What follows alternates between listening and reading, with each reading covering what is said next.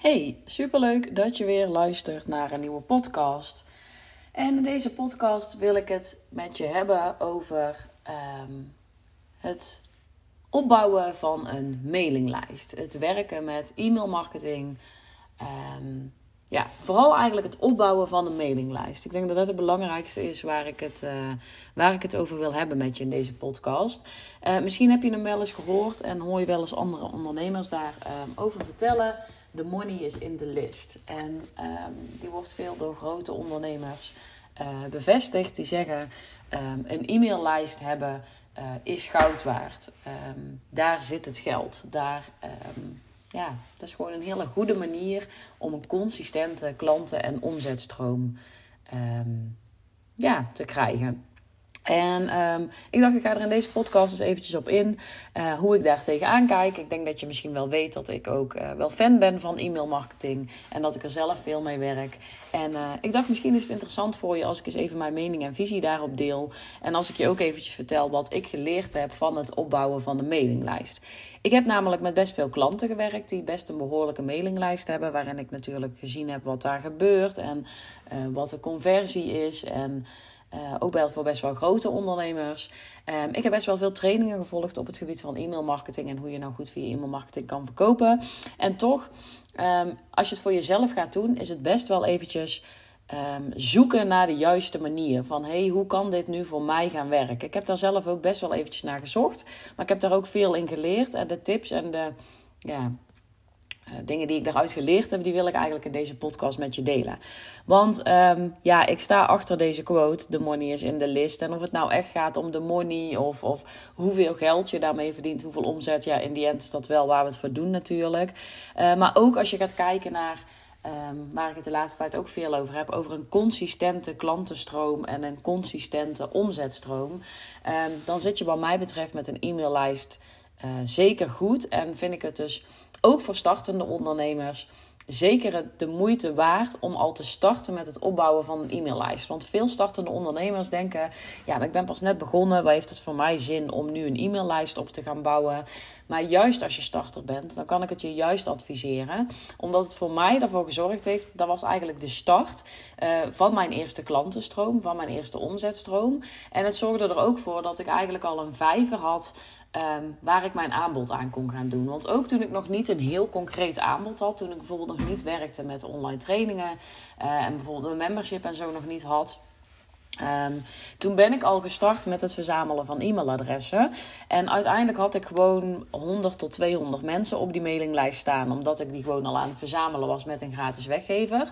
En toen uiteindelijk mijn online training uh, de wereld in kwam. Toen ik, die, uh, ja, toen ik die afvalde en toen ik die wilde gaan lanceren. Toen had ik in ieder geval een vijver van 100 tot 200 mensen. Uh, die in ieder geval al enigszins warm waren. Dit waren al mensen die geïnteresseerd waren in mijn aanbod. En daarom kan het heel interessant zijn, ook als je nog niet een mega concreet aanbod hebt. Of als je aanbod nog niet helemaal af is. Om toch vast te gaan kijken hoe je vast mensen op je mailinglijst kunt gaan verzamelen. Um, nou, waarom ben ik voor het verzamelen van die e-maillijst? Punt 1, omdat ik zelf niet altijd zichtbaar en online wil zijn. En ik denk veel ondernemers met mij. Um, er zijn maar weinig mensen die zeggen ook: ik vind het elke dag lekker en leuk en fijn uh, om op Instagram te verschijnen. Ik vind het fijn om elke dag online te moeten uh, zijn. Um, je hebt altijd van die dagen dat je er eventjes geen zin in hebt. Of dat je even geen zin hebt om allemaal met social media bezig te zijn. Geen zin hebt om zichtbaar te zijn. En dan wil je eigenlijk toch dat je jouw ideale klant kunt bereiken. Ook als je een keer een week geen zin hebt om zichtbaar te zijn. Dan is het lekker als je jouw ideale klant toch kunt bereiken. En als je ergens al een soort van vijver hebt van mensen... Um, ja, die je al kennen en die jou beter kunnen leren kennen. En die je eventueel een aanbod kunt doen. Um, Punt 2 waarom ik graag met een e-maillijst werk, is omdat ik weet dat een goede klantreis ervoor zorgt dat je gewoon sneller klanten maakt. Dat je van volgers, van bezoekers, eh, van mensen die geïnteresseerd zijn, gewoon sneller klanten maakt als je een goede klantreis hebt uitgestippeld. En naar mijn mening werkt dit het beste met een e-maillijst en met e-mailmarketing. Waarom? En dat is eigenlijk meteen punt 3.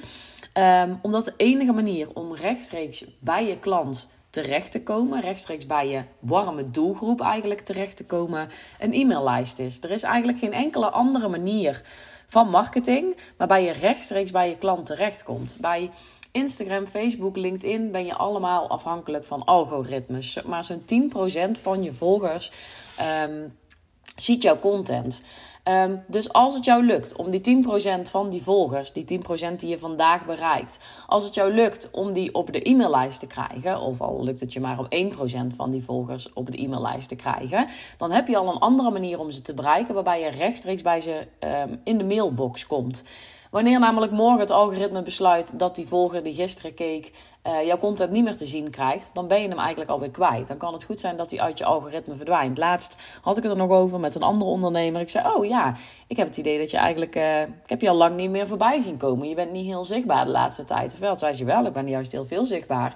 Maar blijkbaar kwam die op een of andere manier, terwijl ik haar volg en uh, ook wel vaak, um, vaak volgde, zeg maar, dat ik vaak haar stories keek, dat ze op een of andere manier toch uit mijn algoritme verdwenen was. Dus je hebt daar niet echt invloed op.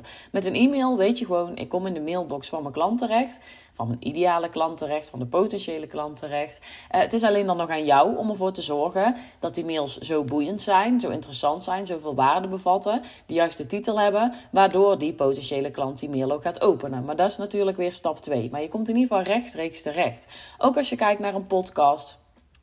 Um, als je kijkt naar uh, TikTok, um, als je kijkt naar bloggen, er zijn allemaal, weet je, er zijn allemaal voorwaarden aan verbonden um, waarvoor klanten dan bij jou terecht kunnen komen. Schrijf je een blog, dan moet je wel zorgen dat er verkeer naar je website komt en dat mensen die blog weten te vinden.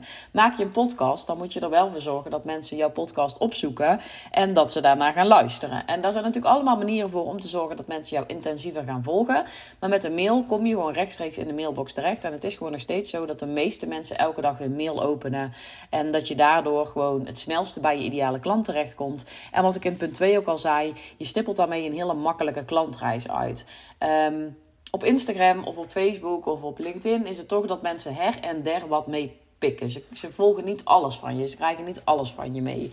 En als jij consistent, zeg maar, iedere week een mail stuurt, dan is de kans toch wel groot. Ook als ik kijk naar mijn eigen cijfers, dat mensen wekelijks die mail openen omdat ze gewoon weten, die bevat veel waarde.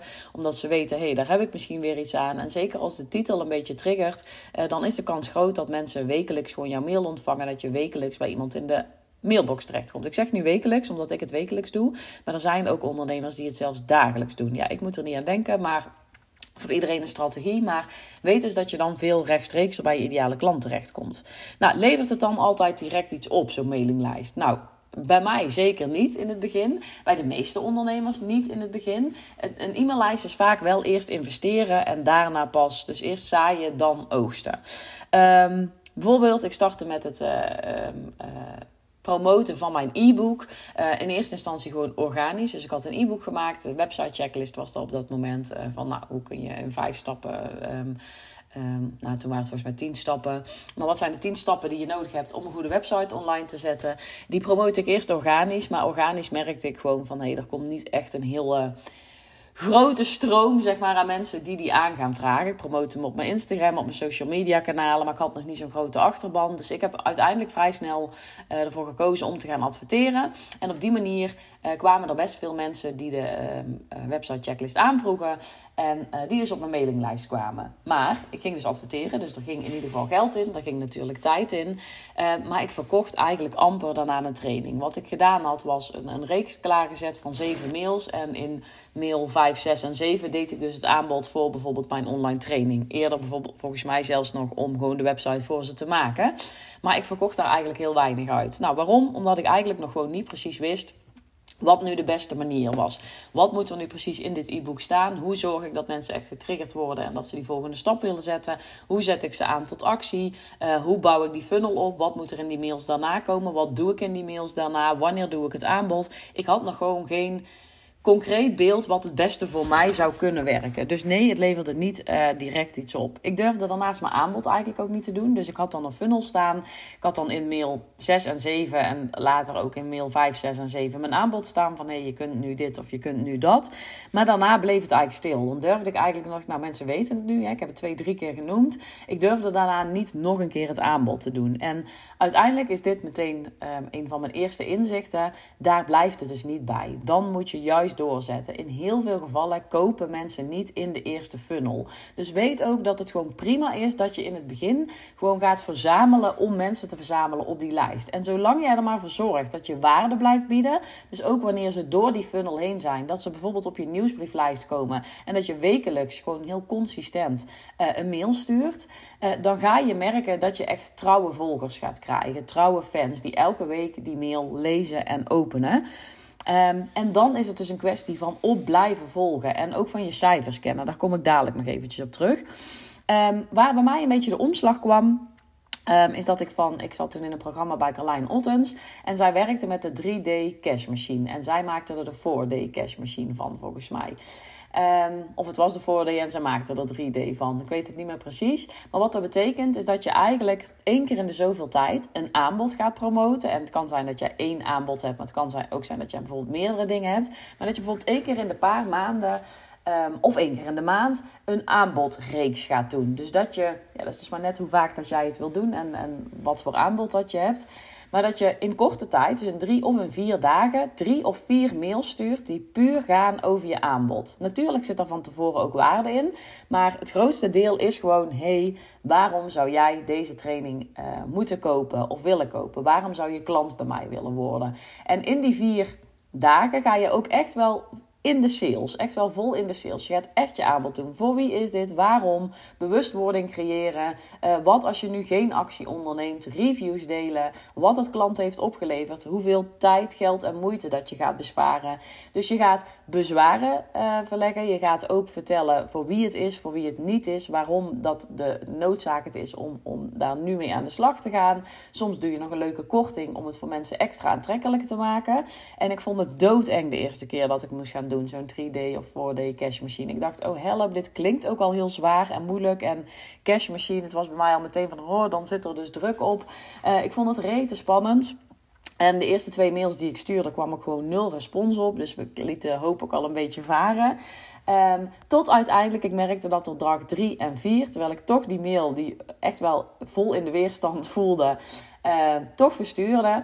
Uh, daar deed ik mijn eerste verkopen uit. En toen verkocht ik echt gewoon een paar keer dat weekend mijn online training. En toen dacht ik wel, oké, dit werkt dus. Weet je, het is weer een stapje uit die comfortzone. Het is weer eventjes uh, door de weerstand heen. Maar dit is dus wel wat mensen nodig hebben. En ik zeg bewust wat mensen nodig hebben. Want wij denken heel vaak dat het is wat je zou moeten doen om mensen over te halen, om mensen binnen te trekken. Maar dat is niet wat, wat het is. wat je gaat doen is mensen bieden wat mensen nodig hebben. Want ze maken zelf de keus of ze instappen of niet. Het is echt niet zo dat als jij tien mails stuurt, je moet nu dit kopen, dat mensen het gaan doen omdat jij zegt dat je het moet doen. Wat het is, is dat er al een verlangen is bij die mensen, maar dat dat verlangen nog aangewakkerd moet worden. Dat je ze die laatste schop onder de kont moet geven om in actie te komen en om te denken, ja, dit is wat ik nodig heb. En zeker als je echt achter je product staat en als je echt weet van ik kan hier mensen mee helpen, dan mag je daar dus echt voor gaan staan en mag je dat extra zetje geven. Mag je ze die schop onder de kont geven. Want 90% van de mensen onderneemt gewoon uit zichzelf geen actie. Dus één mail is niet genoeg, twee mails is niet genoeg. Maar je hebt echt drie of vier mails achter elkaar nodig om te zorgen dat mensen echt die stappen zetten. Dat was de tip van Carlijn. Tineke zei altijd tegen mij, uh, Tineke Zwart is ook een tijd mijn coach geweest. Ik heb daar twee keer in het programma gezeten. En zij zei altijd, stop niet met promoten tot de laatste dag. Dus wanneer je een lanceringsperiode hebt en je zegt, nou, tot en met zondag zijn de deuren open of tot en met zondag geldt de korting. Promoot dan ook tot op de laatste dag. En ga niet op vrijdag denken van, nou ja, goed, er heeft niemand gereageerd, dus dan zullen ze wel geen interesse hebben. Verlies de moed niet, maar blijf tot op die laatste dag promoten. Dus bijvoorbeeld op je stories, maar bijvoorbeeld ook door echt die laatste mail nog te sturen. Ook al is het de zesde of de zevende mail. Van hey, dit is je laatste kans. Je kunt nu nog instappen. Dit is de reden waarom je in zou stappen. Uh, dit ga je ermee bereiken. Dit gaat het je opleveren. Nog een review erbij.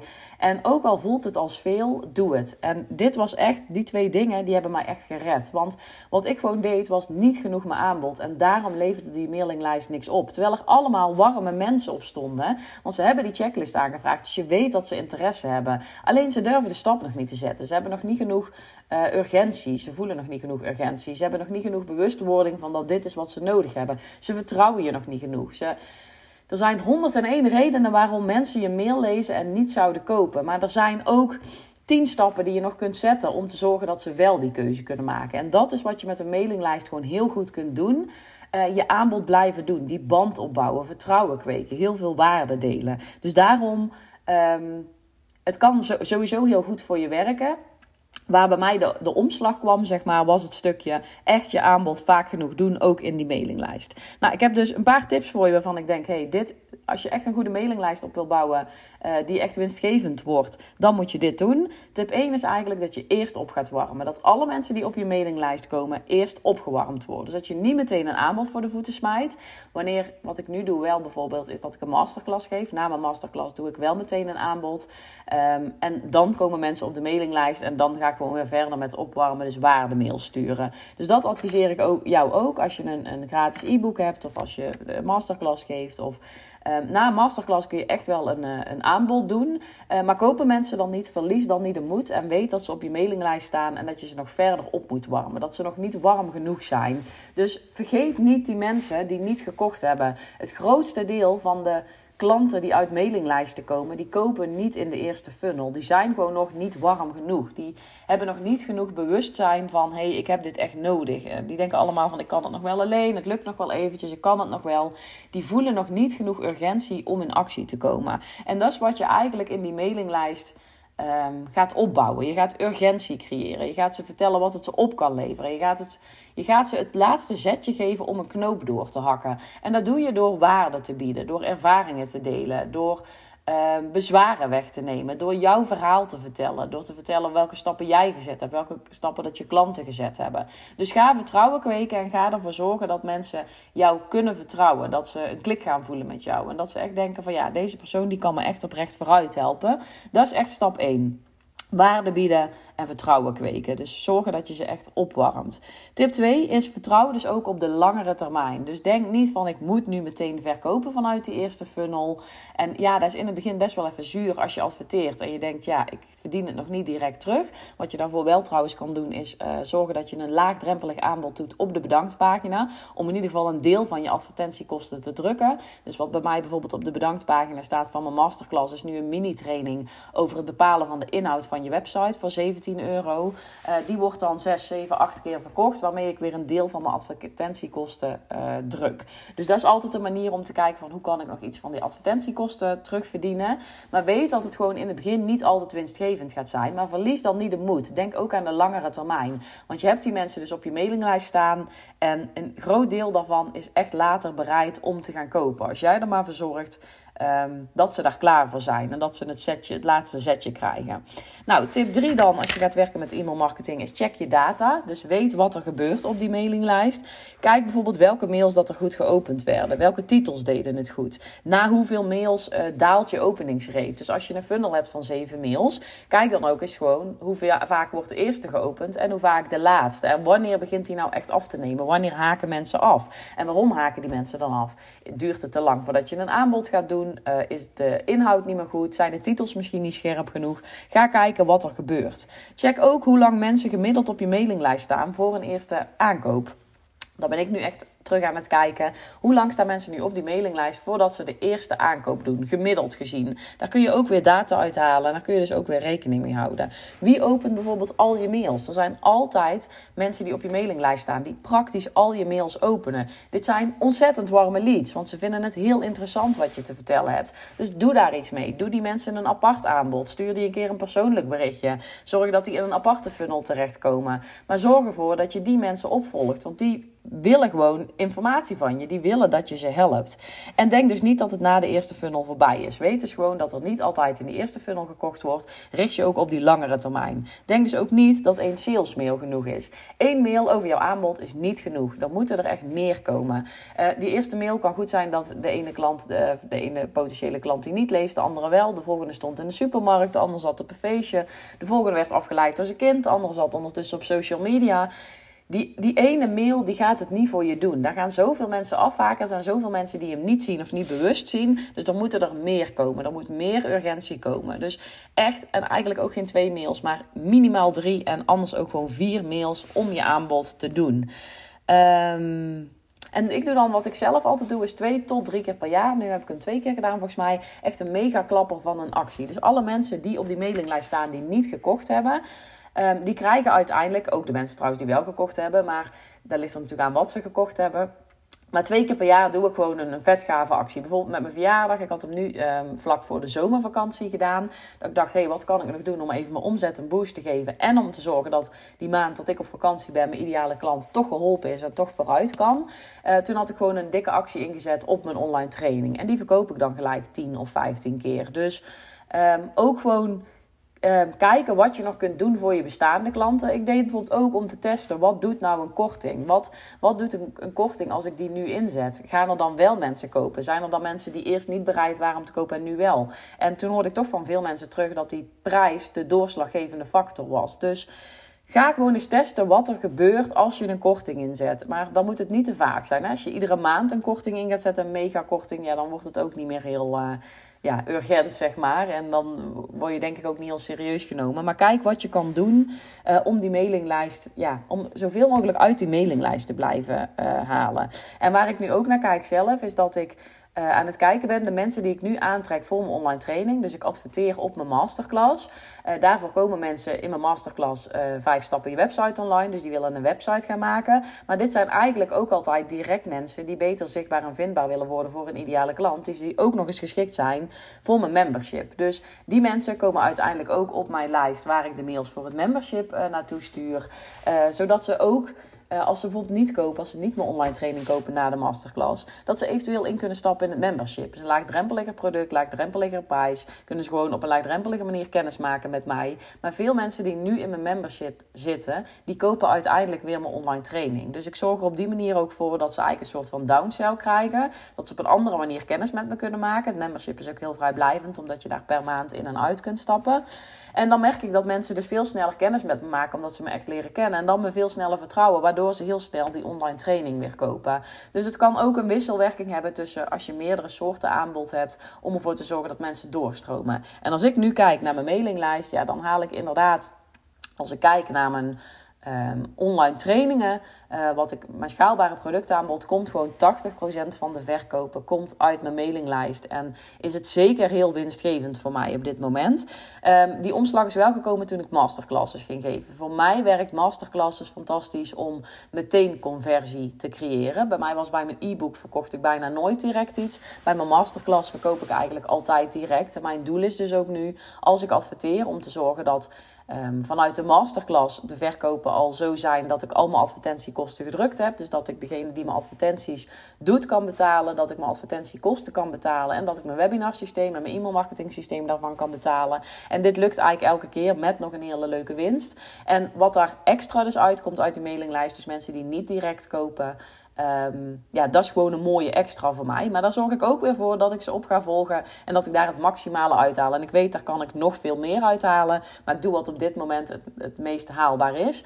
Uh, dus het was echt niet meteen winstgevend voor mij. Ik ben begonnen met het verzamelen van e-mailadressen om te zorgen dat ik uh, in ieder geval die mailinglijst op kon gaan bouwen. Dat ik in ieder geval een vijver had waar mijn eerste potentiële klanten uit konden komen. En toen die eerste potentiële klanten eruit kwamen, toen ben ik gaan optimaliseren. Ben ik gaan kijken wat kan er beter, wat kan er anders, wat gebeurt er. Ben ik data gaan bekijken en vanuit daar is het steeds gaan groeien. Van, op een bepaald moment ben ik van het e-book naar de masterclass gegaan. Dat gaf ook weer een enorme boost. Ik ben gaan werken met die 3D 4D cash machine. Twee keer in het jaar een actie. En dit zijn allemaal dingen die ik gewoon ben gaan proberen. Gewoon eens gaan kijken wat doet het. En als je dan op een gegeven moment weet van hé, hey, het werkt en dit levert dus iets op, ja, dan kun je daar weer op verder gaan borduren en kijken hoe kan ik dat op een andere manier weer in gaan zetten. Dus um, ja, de money is in de list. Ja, ik sta daarachter. Um, ja, ik denk dat het heel winstgevend kan zijn en dat het zeker ook heel rendabel kan zijn om zeker als startend ondernemer ook te starten met het opbouwen van een e-maillijst. Ik ga hem afronden. In de volgende podcast ga ik je even meenemen in die masterclasses. Van wat is nou het voordeel van een masterclass ten opzichte van bijvoorbeeld een e-book of iets dergelijks. Um, want daar vind ik te lang woorden voor nu. Ik hoop dat je er weer iets aan gehad hebt. Um, als dat zo is, zou je dan mijn podcast even willen beoordelen in Spotify? Is uh, vijf seconden werk, maar moet je eventjes een aantal sterren aangeven. Um, dan wordt mijn podcast beter gevonden, kan ik mijn bereik weer vergroten en zorgen dat ik nog meer uh, mensen hiermee kan helpen. Nou, ik hoop dat je er weer iets aan gehad hebt en je hoort me weer in de volgende.